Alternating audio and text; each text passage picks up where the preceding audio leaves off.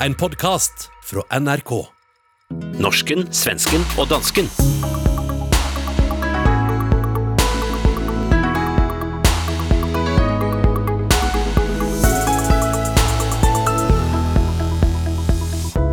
En dansk politiker sykmeldt etter at han har trakassert sine meningsmodstandere. Dokumentaren om den svensk-chilenske morfaren som redder sine syv barnebarn ut av syrisk flygtningleir har premiere denne uken. Mænd som dræber kvinder er denne ukens store sak i Sverige.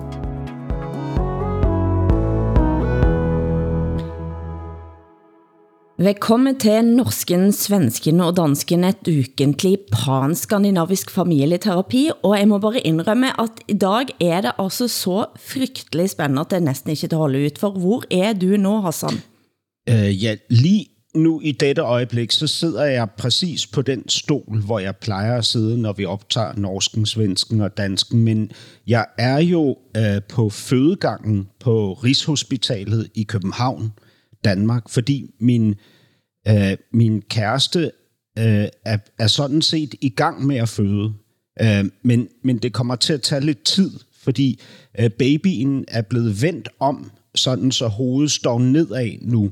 Øh, det gør de der jordmøder og fødselslæger øh, meget manuelt ved ligesom at massere babyen på plads. Øh, og så, så har hun fået nogle, nogle piller, som skal øh, sætte det her i gang øh, lige så langsomt. Sov du hjemme? Hvor sov du? Nej, jeg, jeg, jeg fik en seng øh, ved siden af min kæreste over på, øh, ja, på, på det afsnit, hvor hun ligger. Øh, og, og øh, vi har ikke sovet, nogen af os, fordi øh, i stuen ved siden af, der, øh, der gik, øh, gik en fødsel i gang i nat. Øh, omkring klokken to øh, var der en kvinde, som begyndte at råbe øh, meget højt, øh, og omkring klokken 5, øh, der endte så lykkeligt med, at vi hørte kvinden råbe en sidste gang, og så gik det over i, altså en baby, som, som kom ud og græd. Ikke? Wow. Jamen, det var jo, prøv at høre, det, det var jo faktisk wow. Det var jo faktisk uh, meget bevægende mm. at være vidne til det her. Ikke? Mm. Og jeg fik bare sådan en, den der mm. følelse af, af sådan en, en samhørighed. Ikke? Nu er vi her, mænd, mænd, der er bekymrede, kvinder, der har smerter, jordmøder, der, øh, der kæmper for at hjælpe, læger, som gør deres yderste for at få det her til at fungere. Ikke? Og, og måske kom den baby, øh, øh der kom ud her i nat, måske kommer den baby til at være det menneske, som opfinder vaccinen mod kræft, eller, eller som løser de problemer, vi har med, med fossile brændstoffer, eller skaber fred i Mellemøsten. Ikke? Altså, hvem ved? Ikke? Och så? jag kunde inte heller sova i natt eh, eftersom Hassan eh, smsade oss igår kväll, Hilde, att det kanske var en baby på väg. Jag blev så, så nervös och så glad och eh, började naturligtvis genast fundera över vad det här barnet ska heta. Det är en dräng, det är vad vi vet, en pojke. Yeah. Och då var jag tvungen att googla, vad är de vanligaste danska namnen just nu mm. på pojkar? Och det är som man döper sina barn i Sverige. William, Noah, Oscar, Lukas, Karl, Viktor, Oliver, Alfred, Malte och oh. Emil. Och jag undrar ju naturligtvis de här Preben, Sören, Flemming och Laurits, de där namnen som vi inte har i Sverige, de är ju helt försvunna tror jag ur danska namnfloran. Så funderade på vad tycker jag att vi ska döpa Hassan och Saras pojke till. Mm. Um, jag älskar en, en dansk jazzmusiker som heter Sven Asmundsen. Som var fängslad under andra världskriget. Eh, och som en av världens, var en av världens bästa violinister i jazz. Och han uppträdde mycket i Sverige ihop med Alice Babs. Jag älskar honom. Så Sven är mitt förslag. Det är ett gott namn. Det, det är ett gammalt nordisk namn. Ja. Nu har vi bestämt ja. det, va Hassan? Åsa kommer uansett aldrig til skifte, så uansett hvad dere vil kalde dette barnet, så kommer det til at være Sven for Åsa. U- uanset hvad han kommer til at hedde, så må du meget gerne kalde ham Svend. När jag har bestämt mig så blir det så. Åsa, men du har en erkendelse at komme med, for du påstår at du har misforstått alt om arkitektopprør i Sverige. Här är det då dags för uppklaring och utdyping. Nej, nej, nej, nej, nej alltså jag, jag säger inte att jag har fel. Det är alla andra som säger att jag har fel.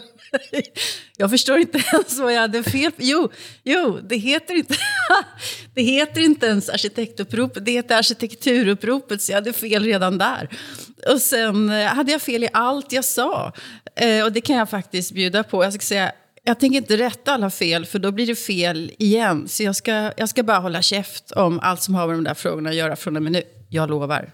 Men det som är intressant, alltså, för jeg har jo, jeg, jeg, gör jo, jeg har gjort en liten research här, at i Sverige, i modsætning til Norge, så er dette då faktisk en bevægelse, som har vokst jævnt og trutt siden 2014 og har ifølge Aftenposten og nærmere 80.000 tilhængere. Men det jeg fandt interessant er at eh, arkitektoprøret i Sverige faktisk også får politiske konsekvenser.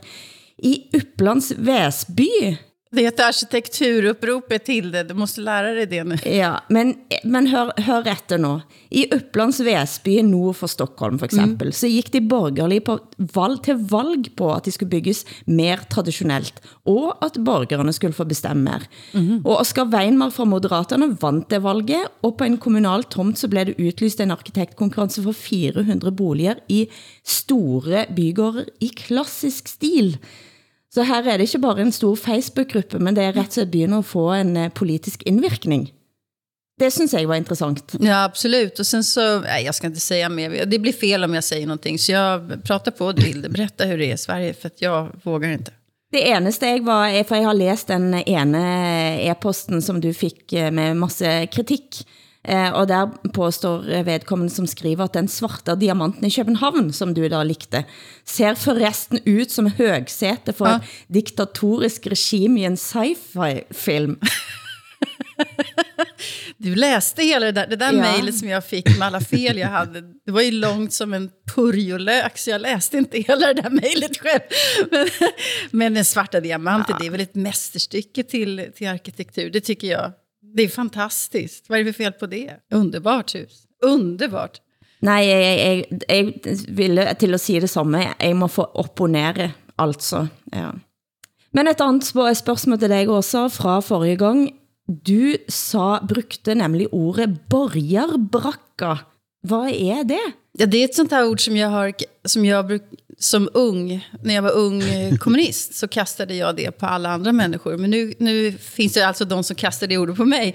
En borgarbragg, jag ska säga alltså, när ni pratar om, när ni säger ordet borgare i Danmark och Norge, så betyder väl det medborgare tror jag. Men en borgare i Sverige, det är alltså en som röstar eh, på de borgerliga partierna, mm. alltså som röstar blått. Eh, man röstar höger. Eh, eller man är överklass. Alltså man är borgare, alltså slags bourgeoisie kan man säga. Om man då dessutom är brackig så är man inskränkt och väldigt liksom, högfärdig kan man säga. Så en borgarbracka är en eh, alltså inskränkt högfärdig överklass.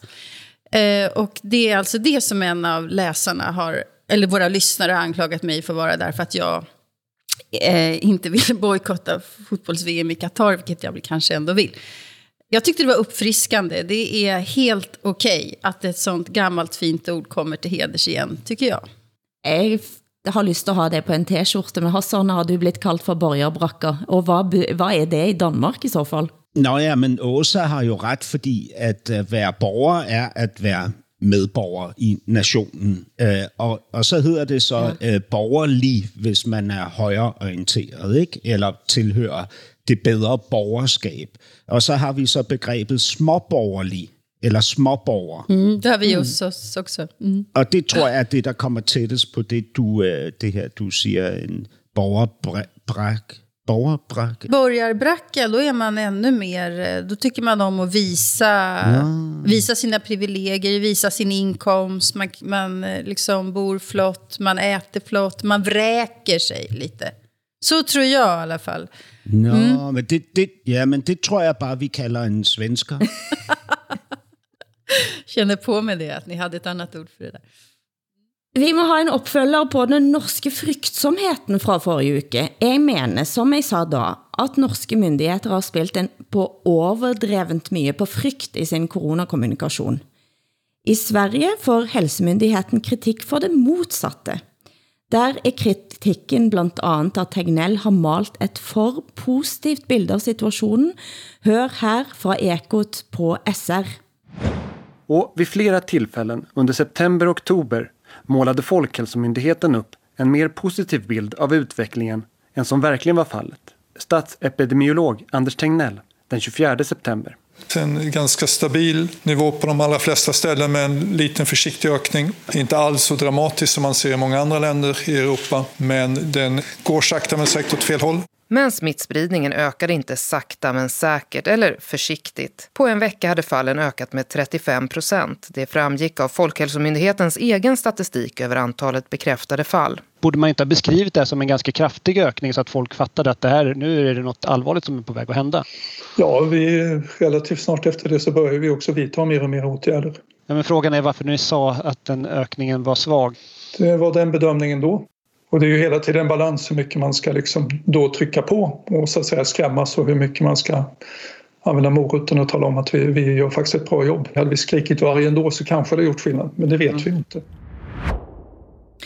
Det är hela tiden en balans mellan hur mycket man kan, ska, ska trycka på, hur mycket man ska skrämma, hur mycket man ska använda morötter, alltså gullrötter, för att fortælle folk att göra en god jobb. Hade vi skräckit varg ändå så hade det kanske gjort skillnad, men det vet vi inte, säger alltså här Anders Tegnell.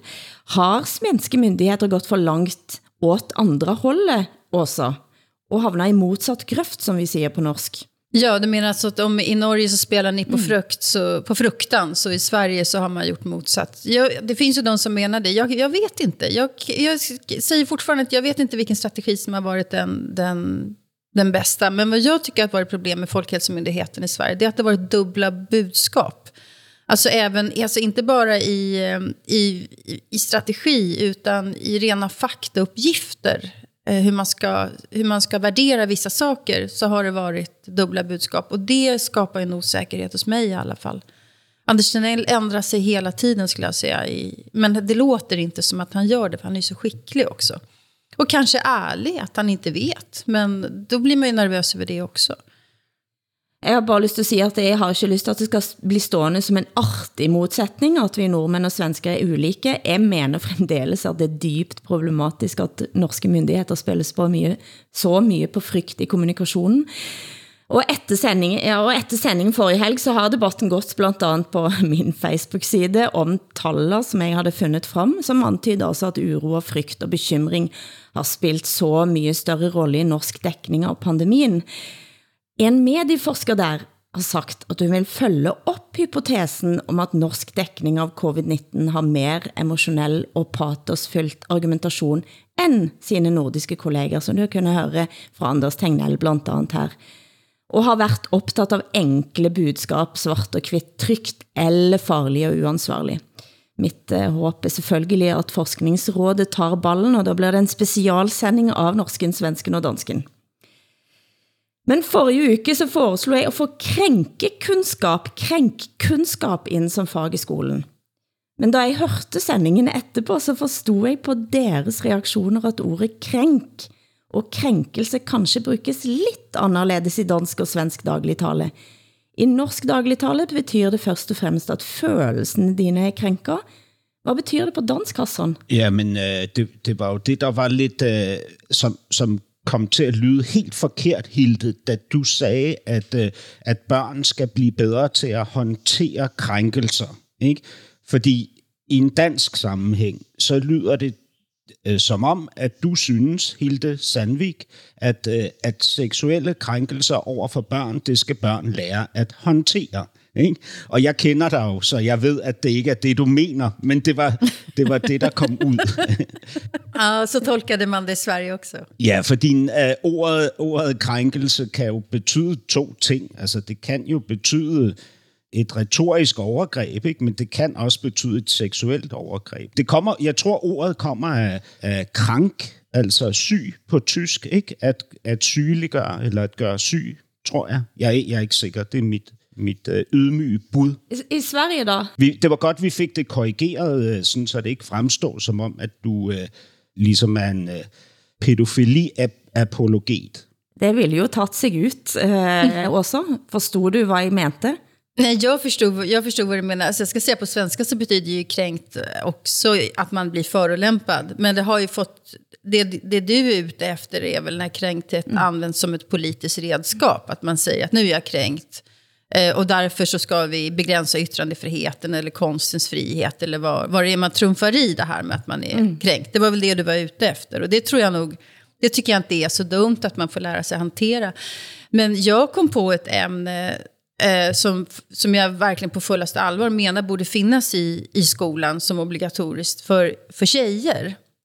Och det är feministiskt självförsvar. Och det kan jag säga med anledning av den stora debatt som vi har i Sverige just nu.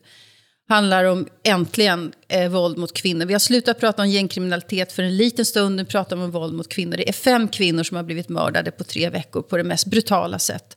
Och vi har oerhört många kvinnomord i Sverige och kvinnomisshandel. Och då tänker jag att feministiskt självförsvar är någonting som man faktiskt kan ha nytta av som, som tjej i hela sitt liv. Mm. Så det skulle jag vilja ha som obligatoriskt på, på skolämnet. Men det kom altså en rapport som faktisk siger noget om nordmænds syn på krænkelser denne forrige uke. På vegne av Fritt Ord har en gruppe forskere undersøgt, hvordan vi forholder os til krænkelser. Det viser, at flere har blitt optaget av ikke at krænke andre. Folk i alle aldersgrupper accepterer i mindre grad ytringer, som kan opleves som krænkende sammenlignet med 2015. Og særligt på venstresiden så har det økt. Bjørgulf Brån i Klassekampen kommenterede rapporten og satte fingeren på, hvor inkonsekvent modstanden er er det stempling og heksejagt den ene dagen, og gerne trigger warnings den andre for at sætte på spidsen. Er du enig med Brån också? Ja, det är jag. För jag tycker ju, det tror jag alla håller med om, att det, det är naturligtvis bra att man reagerar mot kränkningar. Det finns ju kränkningar som, som faktiskt är reella och som man måste ta på allvar, som, är, som, som har en, eh, vars syfte faktiskt är att göra den andra ledsen osäker. Men det kan ju också övergå i eh, masshysteri och masssuggestion och drev i, i offentligheten som vi har i Sverige här nu, utan att nämna några namn. Då. Han skriver någonting väldigt viktigt där, Björgul Brånen i Klassikampen. Han skriver så här. Den här, de här masssuggestionens destruktiva krafter, skriver han, de bryter ner förutsättningarna för en sanningssökande kultur där alla kan lägga fram sina uppfattningar utan frukt för att bli utsatt och fredlöst. Och det här skriver han samtidigt som det nu kommer att Mike Pence eh, vill ge ut sina, sin självbiografi i två delar. Och då så har flera medarbetare på det amerikanska förlaget gjort uppror och sagt vi vill inte jobba med den boken därför att han har kränkt eh, så många minoriteter och så vidare.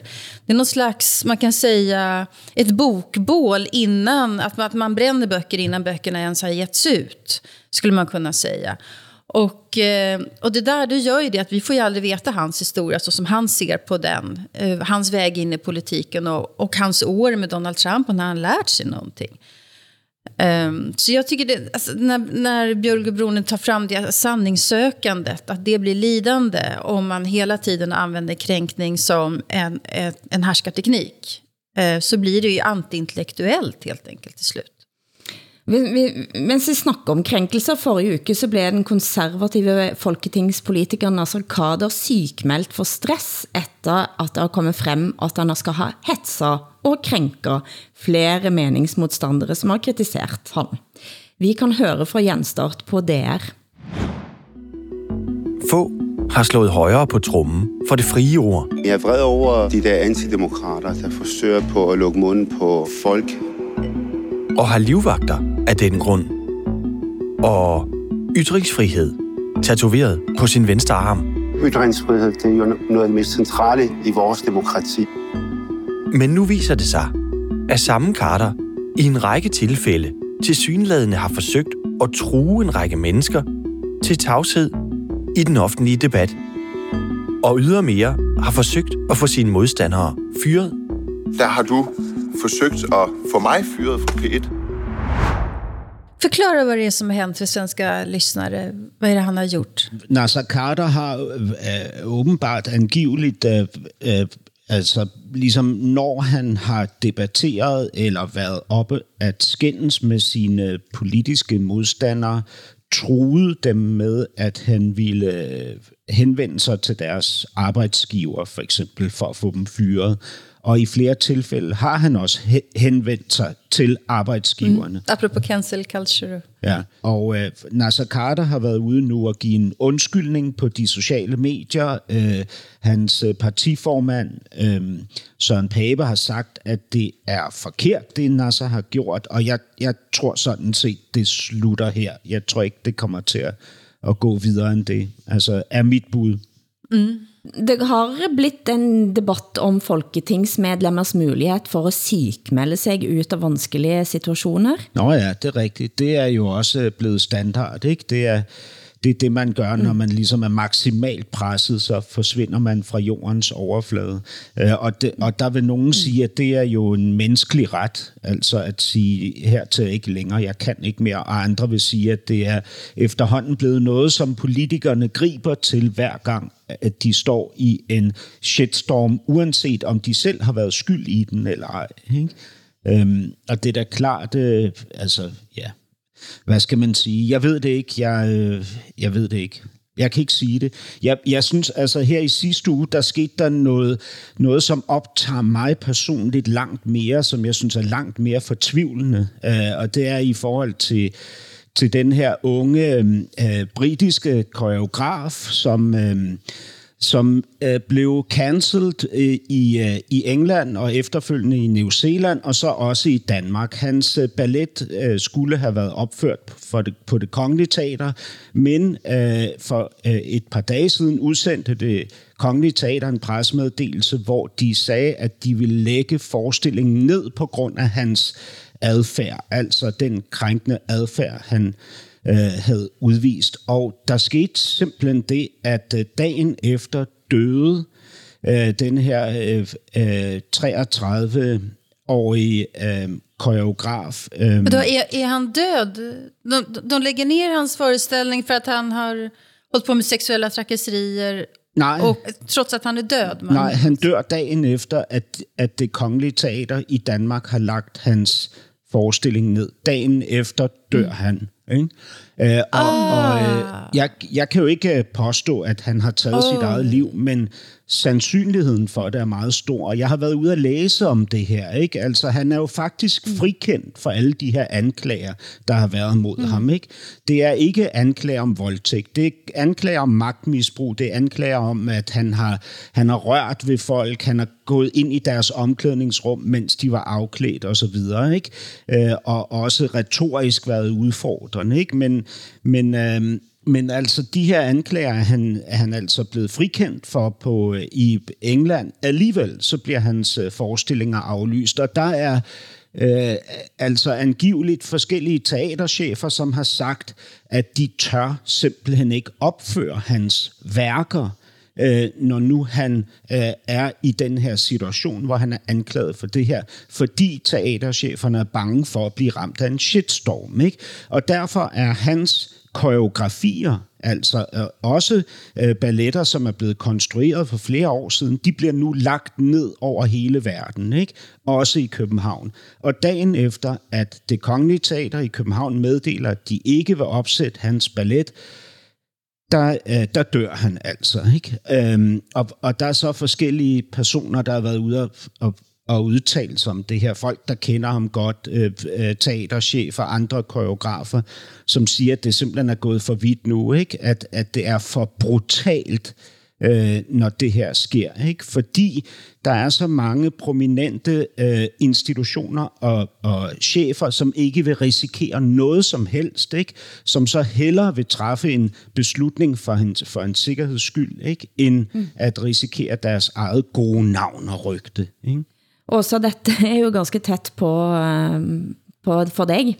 Ja, jag kan inte, jag kan nästan inte prata nu. För att det är så, så obehagligt och det för ju tankarna mm. tillbaka vad som hände i Sverige naturligtvis med Benny Fredriksson och den skuldfördelning som man nog faktiskt måste göra. Och eh, vi, vet, vi vet ju inte hur den här, eh, den här mannen vi pratar om nu, vad som egentligen har hänt. Men att han har varit med om någonting fruktansvärt brutalt, det är helt uppenbart. Jeg vil aldrig, jeg vil ikke drømme om at sidde her og sige, at det kongelige teater har en andel i hans selvmord, hvis det viser. Det, det vil jeg aldrig sige. Men hele situationen ikke, er så ulykkelig, mm. som den mm. overhovedet kan være. Ikke? Absolut, och eh, det var ju det jag försökte beskriva i min senaste bok. Eh, hela den situationen som är och hur, hur sånt här uppstår. Men, men eh, jag tror ändå att alla människor måste fundera över sin egen insats. Jag, jag tror det. Det är massa mm. människor som har fattat beslut. Eh, så, så, så är det faktiskt. Eh, men det är, jag, jag lider med alla i det här. Det är fruktansvärt. Mm.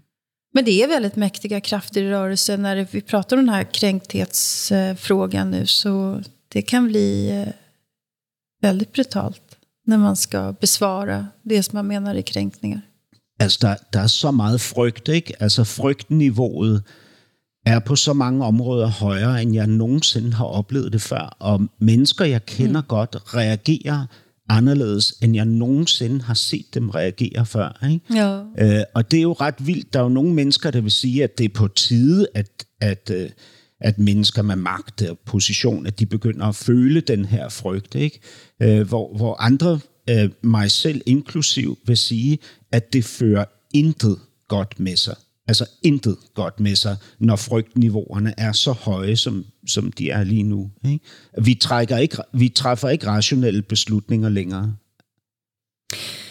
Du har allerede været inde på det, også det store tema denne uken i Sverige, vold mot og drap av kvinder. Fem kvindedrab, altså på tre uker, har rystet Sverige. Eh, dette var selvfølgelig tema da Leif GV var på Nyhetsmorgen og gik gennem ukens store svenske krimsak. Men som du säger Leif, det har ju verkligen sett likadant ut alltså lång, lång tid tillbaka att kvinnor mördas av män som de har haft en pågående eller tidigare relation med. Hur kan det fortfarande se ut så i vårt samhälle idag? Ja, jag såg att rikspolischefen hade någon nollvision om detta. Och, och det, det, är ju lovvärt så att säga eh, som ett uttryck för hans ambition. Det, det är bra om man har sådana där nollvisioner för det visar ju om inte annat en god vilja. Men jag tror vi har kommit, om man nu ska vara realistisk så tror jag att vi, eh, jag kommer inte få uppleva det under min livstid, det är jag ganska säker på. Det finns ungefär 100 000 relationer pågående eller under avslutning eller just avslutade här i landet som är ytterst problematiska när det kommer till det våld som förekommer inom de relationerna. Va? Så att, att det, det krävs... Ja, det är mycket jobb bakom den där nollvisionen så att säga. Det är alltså ingen okänd fråga. Eh, men nu har det plötsligt då blivit en stor, en stor sak. Och jag som är journalist kan ju se hur intressant det är när gängkriminalitet då plötsligt inte är det vi ska rapportera om, utan nu ska vi prata om det här. Jag kan säga Aftonbladet har gjort det väldigt länge. Vi har ju en stor eh, kan man säga, databank över alla kvinnor som har blivit mördade de senaste tror jag, 20 åren. Mm.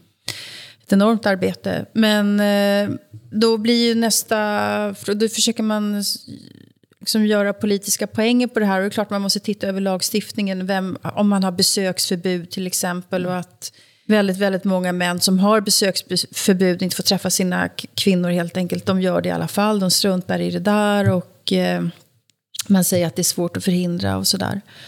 Eh, så ska man skärpa lagstiftningen här. Men jag tänkte, vi har ju pratat om det här Hilde, du och jag. Och jag tror det är väl statistiskt så att de flesta kvinnor som blir misshandlade eller mördade blir det därför att de har lämnat sina män. Mm.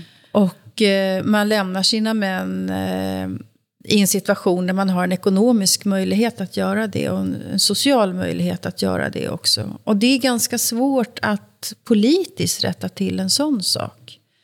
Altså, jeg eh, har snakket med drapsforsker og evolutionspsykolog Vibeke Ottesen, som har fulgt eh, drapsstatistikkene eh, og drapsakene også i, i Norge.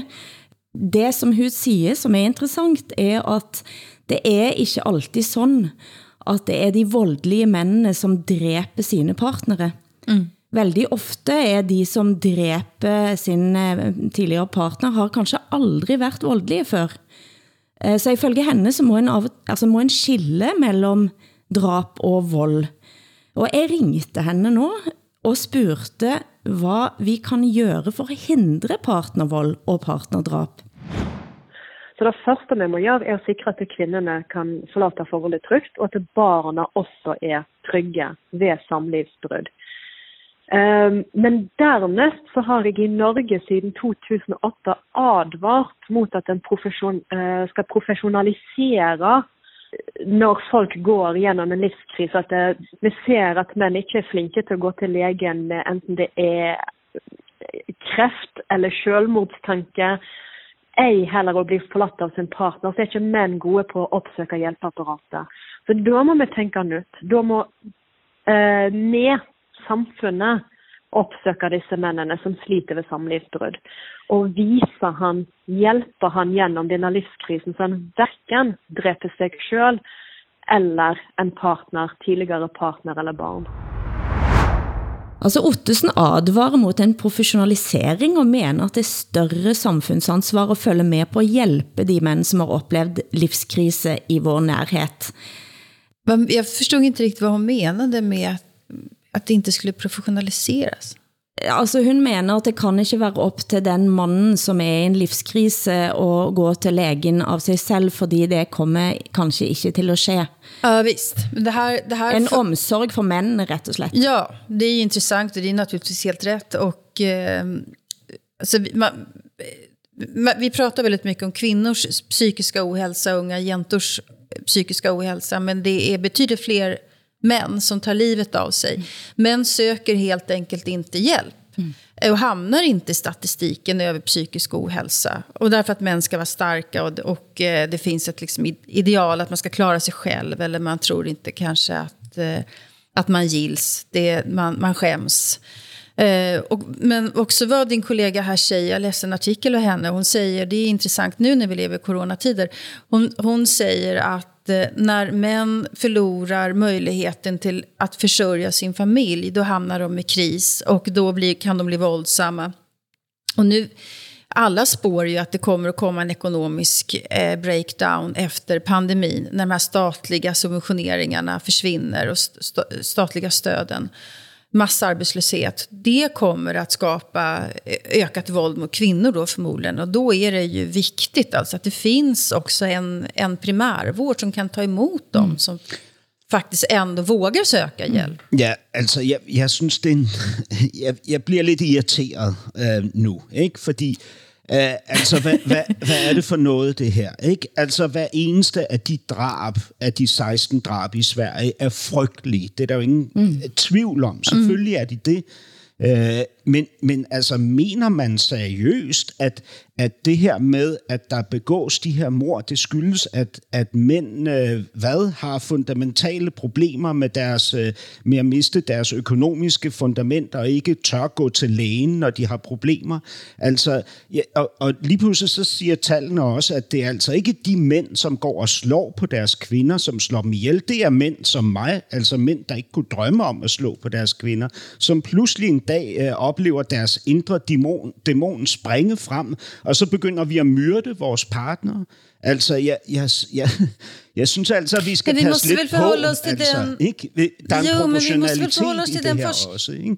Vi måste väl ändå förhålla oss till den forskning som finns. Vi pratar inte om alla män, vi pratar om de män som slår ihjäl. Och då finns ju vissa gemensamma faktorer här. Inte, hos all, inte gemensamma faktorer, men det finns ju ändå vissa faktorer som binder samman fler än andra. Och det tror väl man måste undersöka. Varför inte det? Jamen, det, det synes jeg da også, man skal gøre, men vi, Altså, vi- jamen, så lad os tage udgangspunkt i de faktorer, hvis vi har de faktorer. Hvis vi lig- ligesom ved, hvad der ligger til grund for det her. Hvis man kan lave en fælles, øh, altså en eller anden øh, ja, præmatur beskrivelse af denne her mand, før han begår det her f- øh, frygtelige fundamentale overgreb, så lad os få lavet den der kategorisering, og så hjælpe ham, gribe ind og tage ham ud af ligningen, hvis man kan det. Men var det ikke, det, var det ikke netop det Vibeke Ottesen siger? Ja, det var det jeg uppfattede. Eh, at der findes nogen, der findes nogen risikofaktorer, og nogen risikofaktorer som er større end andre, og, og samlivsbrud er et av de.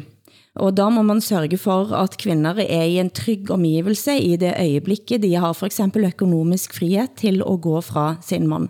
Og en må sørge for, at den mannen har et bakkemandskab rundt sig. Men vil det sige, at vi ligesom griber ind? Nu ved vi jo fra Danmark, at halvdelen af ægteskaberne ender i skilsmisse. Vil det så sige, at vi skal gribe ind over for 50 procent af den danske befolkning og støtte øh, op om kvinderne rent økonomisk og hjælpe mændene Nej. rent psykisk? Nej. Nej, nej, nej. Jeg, jeg opfatter det ikke sådan. Jeg opfatter det som en mer en sådan, jeg ser at du, min kollega, sliter. Vi kan sætte os ned og snakke sammen nu. Dette handler ikke om, at staten kan gribe ind i jeg, vil, alle jeg vil jo, former. altså jeg elskede jo, da jeg blev skilt, at der var opmærksomhed mm. på mig fra mine kolleger, mine venner mine bekendte. Øh, altså at folk så, at det var en smertefuld situation. Netop. Men jeg går da ikke ud fra, at en eneste af dem henvendte sig til mig, fordi hun eller han skulle forhindre, at jeg slog min ekskone ihjel. Men det, kan, det, er net, det som jeg tror Vibeke Ottesen sitt poeng er, at det kan man aldrig vite. Eh, man skal ikke gå ut fra, at nogen skal kunne dræbe nogen andre, men eh, hvis man siger, at man ønsker forhindre, så er det noget med den omsorgen, man kan ha for alle rundt oss. Altså, jeg opfatter det på det poeng, eh, på det niveauet. Ja, men så må jeg sige som mand, at den omsorg vil jeg gerne bede mig, have mig frabedt. Generell, generell omsorg. Nej, Jeg tænker, at den generelle omsorgen kan være helt fin. Ja, hvis der skulle komme omsorg til mig fra nogen som helst, som skal forhindre, at jeg bliver morder, Jag tycker att den så vil jeg gerne sige nej tak til den omsorg. Jag tycker att det är intressant med, med eh, den här norska studien. eh, Helt enkelt därför att den komplicerar lite påståendet att män, män slår ihjäl därför att de hatar kvinnor. Eh, Det är lite mer komplicerat än så. Det är lite fler känslor i kroppen. Och så. Sen finns det män som hatar kvinnor. Det finns män som är våldsamma överhuvudtaget. Som är våldsamma mot alla. Eh, Men det finns, också, det finns också flera mekanismer som kan trigga igång och utlösa någonting sånt här. Och det är, ganska, det är ganska intressant för då finns det också någonting vi kan göra. Åtgärder man kan sätta in. Du hører norsken, svensken og dansken i SR, DR og NRK.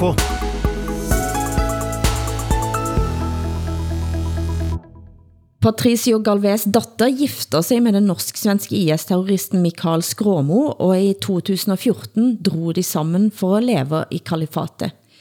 2019 blev begge dræbt, men deres syv unge barn overlevde og blev internert i den fr- berygtede Al-Hol-leiren, sammen blandt andet andre svenske, danske og norske barn. I dokumentaren Children of the Enemy, som havde premiere denne uken under eh, Copenhagen Docs, følger vi den svensk-chilenske bestefarens kamp mot blandt andet svenske myndigheter for at få sine syv barnebarn hjem fra Syria. Den äldsta är bara åtta. Den minsta har precis fyllt ett år. Lever de fortfarande? Jag har kontaktat Röda Korset, Rädda Barnen och massa olika organisationer men inte fått någon hjälp. Jag har också kontaktat regeringen, utrikesdepartementet tusentals gånger. Men de säger att de, de inte kan göra någonting, att det är komplicerat. Jag tror att det är deras interna politik. Att de har ingen skyldighet att hjälpa de som anslöt sig till IS. Men det, det var inte barnen som åkte tyvärr. Det var föräldrarna. Vi har fått sett denne filmen, og umiddelbare reaktioner. Hassan, hvad tænkte du, da du så denne filmen? Jamen prøv her, nu opsummerer vi jo det ene, den ene tragedie efter den anden, ikke? I det her, denne uges norsken, svensken og dansken. Men det er det jo ikke kun. Fordi kunsten blander sig ind i programmet lige nu, ikke? Og rent kunstnerisk, så er denne her dokumentarfilm efter min overbevisning fuldstændig formidabel. Altså, ja. jeg, jeg var så grebet af fortællingen. Ikke? Jeg, jeg var berørt og imponeret og øh, tænksom og, og fik Øh, altså tonsvis af nye refleksioner om det ene og det andet, ikke? som handler om mig og mine omgivelser, verden i dag og så videre. Ikke? Jeg synes, det, det er et mesterværk, den film. Altså, jeg vil opfordre folk til at gå ind og se den, uanset hvad man synes om øh, flygtninge, og, og om de skal sendes tilbage til Syrien eller ej, og så videre. Gå ind og se Children of the Enemy. Altså, Ja, jag hoppas att den visas eh, i Sverige på svensk tv. Det måste mm. den ju göra. Det är ju ändå ett svenskt fall. Så att det, säga. måste, det må han ju göra. Det är, en fan, det är en fantastisk film. Och jag blir så jag blir så imponerad av den här morfan, som, mm. eller pappan som har en dotter som alltså radikaliseras. Så det finns inget muslims i den här familjen från början överhuvudtaget. Och hon hamnar där nere med sina sju barn. Och hans kamp för att få hem de här barnen. Och den svenska regeringens och svenska myndigheters totala likgiltighet. Eller att de sitter och ljuger rent, upp, rent ut, rätt upp och ner. Um, och när, när den svenska regeringen säger att det finns ingen generell lösning, samlad lösning på, på de här barnen vi ska göra, utan alla lösningar måste vara individuella, så är det alltså en man som åker ner för att, att försöka ta hem sina barnbarn. Och han blir motarbetad av de svenska myndigheterna hela tiden och vill inte ge honom ett dokument som han behöver för att komma in i det här lägret och så vidare. Det är, och det sitter åtta 80 svenska barn i de här lägren fortfarande. Sjuka, utmärglade, hungriga, förvirrade, indoktrinerade. Hur många norska och danska barn sitter där, vet ni det? 19 danske barn. 19. Per nå er det fire norske barn i Al-Hol-lejren. To av de blev hentet ut i fjor. Men, ja. men, men... ja, det är väldigt många svenska barn. Men det spelar ingen roll, det är liksom våra barn. Och det är klart att de inte ska sitta där. Det är ju helt omänskligt det er en misshandel utan dess like. Barn dør jo i de der læger. Mm. Altså, jeg, jeg er enig med dig så i forhold til børnene, men, men for mig så handler den her film ikke om det her politiske tema, øh, fordi mm. der vil jo altid være øh, øh, enorme uretfærdigheder og urimeligheder i den her verden. Ikke? Og hvordan navigerer vi som individer i alle de her øh, urimeligheder. Ikke? Og der mm. viser den her morfar, han viser for mig øh, ægte heldemod. Fordi for, for ham, der kræver det jo, at han transformerer sig. Ikke? Og transformationen kommer af en erkendelse af, at han selv har handlet forkert i sit liv. Ikke? Og mm. måske endda øh, på grund af sit fravær, sin selvoptagethed, sin, sin personlige kunstneriske trang til at udleve sig selv osv., måske endda har været medvirkende til den her situation, som er i dag med den her datter, mm. der blev radikaliseret, giftede sig med en fundamentalist, tog til Syrien med, med de syv børn, ikke? blev dræbt og efterlod børnene i Syrien. Ikke? Altså, han ser på sin egen andel i det her, ikke? og skammer sig og siger, det vil jeg aldrig gøre igen. Mm. Nu, nu bliver jeg til som menneske. Ikke? Det er så bevægende for mig. Jeg græder og græder over det her det her fænomen. Men det er jo det er også at det som sker i det øjeblikket, Hassan, er at han uh, siger også, jeg er ikke redd længere. Mm, lige præcis. Mm. Altså han har mistet, ja, og han, det er ingenting, som kan uh, gøre mig redd længere. Og det synes jeg også er en ganske interessant, eh, det er en interessant vending også. Eh, at han tar det valget og rejser ret til Syria og siger, ingenting kan gøre mig rädd. Mm. Det, det är helt fantastiskt det är det. Och att det har filmats hela vägen. Eh, men sen det finns ju faktiskt en situation där han är rädd.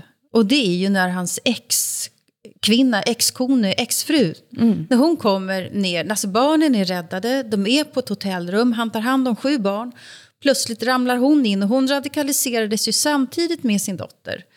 Eh, Hon har bott där nere i Syrien i det här lägret i ett år. Hon kommer in och i full mundering, om jag får uttrycka mig så, eh, och vill spela eh, såna här böne, böneramsor och sånger för barnen. Hon vill att de ska fortsätta indoktrineras. Och då är han livrädd för henne. Och det sitter alltså journalister nere i lobbyn som vill träffa honom, vill se barnen. Och alla vet att det är ett problem att den här kvinnan är här. Det, kommer att, det, kommer, det kan bli fucked up fullständigt en gång till. Eh, För man kommer att kalla de här barnen för IS-barn och de ska inte ha svenskt medborgarskap som Sverigedemokraterna tycker. Han är rädd för henne. Och här ser vi liksom vad mänskliga relationer ändå till slut. Man kan aldrig säga att jag är inte rädd för någonting. Jo, du, du är rädd för de som står dig allra närmast eller har gjort det. Ja, det er så mm. fantastisk, ikke? Også fordi, når han er sammen med sin, sin eksfru, sin ekskone, altså mormoren Ja. til de her børn, ikke? så får man ligesom en oplevelse af, hvordan han var mm. i fortiden. Exakt. Altså, hvilken svækling Ja. han var, hvor, uans, hvor, hvor ansvarsforflygtende han var, hvor, mm. hvor, øh, altså, hvor, hvor, hvor, hvor, hvordan han lod sig regulere af sin frygt for en lille bitte konflikt i det, mm. i det nære, mm. ikke? som så fører til, at han ender i en kæmpe stor konflikt mm. i det globale. Ikke? Mm. Det er så vildt. Men jeg, jeg må jo bare indrømme, at jeg får lyst til å, altså denne kvinden får jo jeg lyst til å bare, jeg, jeg blir rasende. Jeg blir rasende Ja, over et menneske som kan føre sitt eget barn ind i radikaliseringen, bli med til kalifatet, eh, se hvad som sker. Du mister både din egen datter og svigersøn, og masse barn sitter igen der. Og hun er kun optaget av sitt eget savn av de barna, og at de barna fremdeles skal, eh, skal be eh, til Allah. Altså, det, jeg, blir, jeg blir så rasende, og jeg tænker, denne form for religiøsitet har jeg väldigt problemer med, eh, må jeg indrømme. Helt klart. Ja, Men det gör alltså- jag också. Men jag blir också nyfiken på henne. Alltså hon, varken hon eller, eller dottern har, har ju någon muslimsk bakgrund överhuvudtaget. Och när dottern gifter sig med den här norska mannen som ju inte heller har någon muslimsk bakgrund, Mikael Skråmo. Eh, och sen åker de ner för att slåss för IS. Man förstår att det här är liksom någonting annat än religion också. Det är någonting mer i, i, de, i de här människorna som har hänt. Som, ett behov som för- också för- sätter alltså, ljus på den konflikten hur knasig den har varit och vilka som har stridit där nere. Helt sjukt ju. Ja, når man ser øh, altså de her to, øh, manden og kvinden sammen i de der få scener, der er med dem på hotellet, så tænker man, at det må have været altså så destruktivt for, for ens oh. sjæl, Mm. mm. hvis man er vokset Mm. mm. op som barn med de her forældre. Ikke?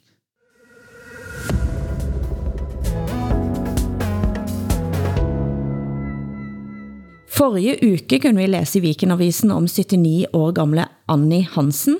For 14 år siden så, ville, så meldte hun sig ut av samfundet og har ikke modtaget en krone fra det offentlige siden. Hun vil hverken ha folkepension eller betale ejendomsskatt. Og da lurer jeg selvfølgelig på, forstår vi henne?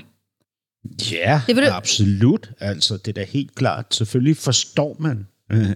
Altså, øh, prøv at høre, man, man skal jo ikke... Øh, man, der skal jo ikke gå ret mange dage, hvor man ligesom zoomer lidt ud og kigger på, øh, på hvad hedder det, det system, man fungerer i, og sin, den rolle, man selv spiller i det, og sådan noget, før man øh, får tanken om, at det kunne være virkelig, virkelig rart at trække sig fri af det her, blive til blive til fuldt ud som menneske igen. Ikke? Altså prøv at høre, lige nu, ikke? Øh, vi, vi, er jo, vi er jo hammerne forvirret. Vi har en kæmpe stor, øh, hvad hedder det, glob- eller national diskussion om et leveringsfirma, der hedder nemlig.com, ikke? som har frygtelige arbejdsforhold for alle deres medarbejdere. Ikke? Øh, og, og, og så sker der så det, at øh, beskæftigelsesministeren, Socialdemokraten Peter Hummelgaard siger, at grunden til, at forholdene i nemlig.com er så frygtelige, er, at den øvre middelklasse på Østerbro øh, kun vil betale 9 kroner for at få leveret deres varer. Ikke? Så får Socialdemokratiet mm. ligesom placeret skylden for den her øh, kæmpe store øh, øh, afdækning af, af forfærdelige arbejdsforhold hos den elite, som Socialdemokratiet altid basher på. Ikke? Vi kan jo se i oplukningen af samfundet her, nu her i Danmark, i de her dage, åbner man restauranter og caféer, men lad teatre, biografer og andre kultursteder forblive lukket. Mm. Ikke? Altså, når man ser på de der konstruktioner, så tænker man jo, øh, hvad, altså, jeg, ja. jeg gider ikke at være en del af det. Det er for let. Altså, det, er, en, det er et skuespil, ikke? Og jeg skal bare spille min rolle i det her. What? Det gider jeg da ikke. Altså, mm. Så jeg har da også lyst til det der. Ikke? Jag anmäler mig ut från den svenska nationen en gång i veckan och det är när jag träffar er i vår nordiska republik. Det är att gå i exil och det är jätte, jätteskönt. Det er jo muligt at jeg kan eh, prøve at lage et eget pass ja, just det. for norsken, svensken og dansken med Kalmarunionen på. Just det. Det som blir problemet selvfølgelig er, når du har eh, sånne som eh, norske Ingun Røiseland, eh, som nekter at være en del av Norge og blev altså kastet ut av sin egen stat i 2014. Men er også vaccinefornekter, for det er jo en anden måte at melde sig ut av samfundet på. At du har ikke tillit til alle strukturerne. Det er, jo, det er Åsa. Nej, men jag är inte vaccinförnekare, det är bara det att jag vill inte ta vaccin. Jag tycker alla andra kan göra. Det är, det är, jag, är, jag är helt för att alla andra vaccinerar sig. Det är bara jag vågar inte. Nej, men, men, men, men prøv at høre. De har, Men jeg har lovat min mamma at jeg skal. Jeg har lovat mamma. Tak. Hvis ikke får du ikke lov til at være med her. I, især i de, nu, har, nu har vi talt en del om, om de redskaber, som uh, stat og individer bruger over for hinanden for at regulere hele tiden. Ikke? Og det er jo frygt i Norge åbenbart. Mm. Ikke? I Danmark er det skam især. Ikke? Vi anvender rigtig meget uh, mm. for at, uh, mm. at styre og kontrollere hinanden. Ikke? Uh, og uh, til at blive inden for folden. Ikke? Altså til at, at, at forblive mm. sammen med flokken. Ikke?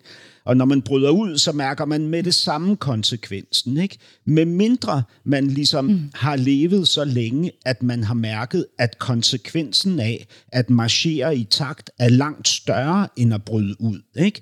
Og, og det peger for mig tilbage på den her morfar ikke? Øh, i filmen mm. Children, Children of the Enemy. Ikke? Altså den her morfar, han er jo brudt ud, ikke? fordi han har erkendt øh, problemet ved at, at marchere i takt. Ikke? Og dermed så bliver han jo frygtløs. Ikke? Og det er den der frygtløshed, som mm. er så fantastisk, som vi også ser i den ældre dame her fra Danmark, som mm. Meddeler, at hun ikke længere har lyst til at være en del af det der med at få rudekuverter mm. ind og, mm. og, og spille sin rolle i det her øh, Men jag, skuespil, jag vill- som jo er... Ja. Ja, det skådespelare har du helt rätt i. Men jag skulle ändå vilja veta, hon måste ju vara ekonomiskt oberoende om hon inte vill ha en pension. Eller? Jamen, hun har ikke nogen penge. Uh, hun er meget fattig. Hon har inga pengar? Nej, Nej, men, jaha. ja, men, og det eneste, hun ligesom skal betale, det er jo de der skatter, der er på hendes bolig, som hun selv ejer og så videre. Ikke? Så Ja, ja, ja. hun har meget få udgifter, ikke? men, men hun, øh, hun synes ligesom, prisen for at modtage øh, pengene fra staten er for høj. Ikke? Fordi det koster på hendes sjæl. Ikke? Og det er så fantastisk, fordi det er så sandt. Det er så sandt. Nej, jag blir helt provocerad Jamen prøv at lige nu. Jag blir helt provocerad. Jag blir helt provocerad. Hur skulle det se ut om vi inte betalar skatt? Nå, nå, Vi skulle inte ha något samhälle överhuvudtaget då. nå, nej, det har du ret i. Det, det forstår jeg godt. Men, men lige Nej, nu... det fattar du. Men vem ska betala skatt om inte alla ska betala Jamen, skatt? prøv at høre, hun har jo ikke nogen skat at betale. Hun, hun får Mm. jo mere i pension, end hun betaler i skat. Ikke? Hun har sagt nej tak til sin pension. Men, ikke? men det som er her nå, er at veldig mange av de som da mangler tillit og melder sig helt ut, de tror heller ikke på tiltak som for eksempel vaccine, som er et solidarisk projekt. Og nå nylig så havde nogen av disse, eh, som da også har meldt sig ut, eh, de var samlet på en kulturlov i Oslo, der, der tre av de, to av de er døde. Den tredje har altså gått på jobb som helsearbejder i et boligfællesskap og smitter antageligvis. Det er i hvert fall det som blir retteforsket, tre styk som er der inne. Så der er jo også en, en grundlæggende egoisme i det at melde sig ut, som jeg også kender strider mot min socialdemokratiske sjæl. Da. Ja, och min ännu rödare själ då kan jag säga. Ja, jeg, jeg elsker dem. altså dem, der melder sig ud. Jeg vil ønske, at jeg ture en dag. Men Hassan, du skal få lov til at løbe tilbage til hospitalet. Åh, eh, og, åh, Gud, så og spændende. Åsa, eh, du har et ønske om, hvad Hassan skal få med sig ut eh, på vej ut. Ja, jag, ty jag tycker vi spelar Sven Asmundsen eh, för, eh, för Hassan och Sara och Sonja som ska bli stora syster och för, som jag hoppas, Sven som kommer snart. Tusind tak. Tak, Hilde, også til dig. Og det blir sidste ord i dagens sending. Producent har været Henrik Hylland Ulving, tekniker Miriam Kirkholm, i redaktion Marie Bø Trosterud, tak til Hassan Preisler i København, Åsa Linderborg i Stockholm. Jeg heter Hilde Sandvik og sitter i Bergen. Vi høres igen om en uke, og hvis ikke du har tålmodighed, så kan du gå ind på podcasten vår både i Norge, Sverige og Danmark og høre os der.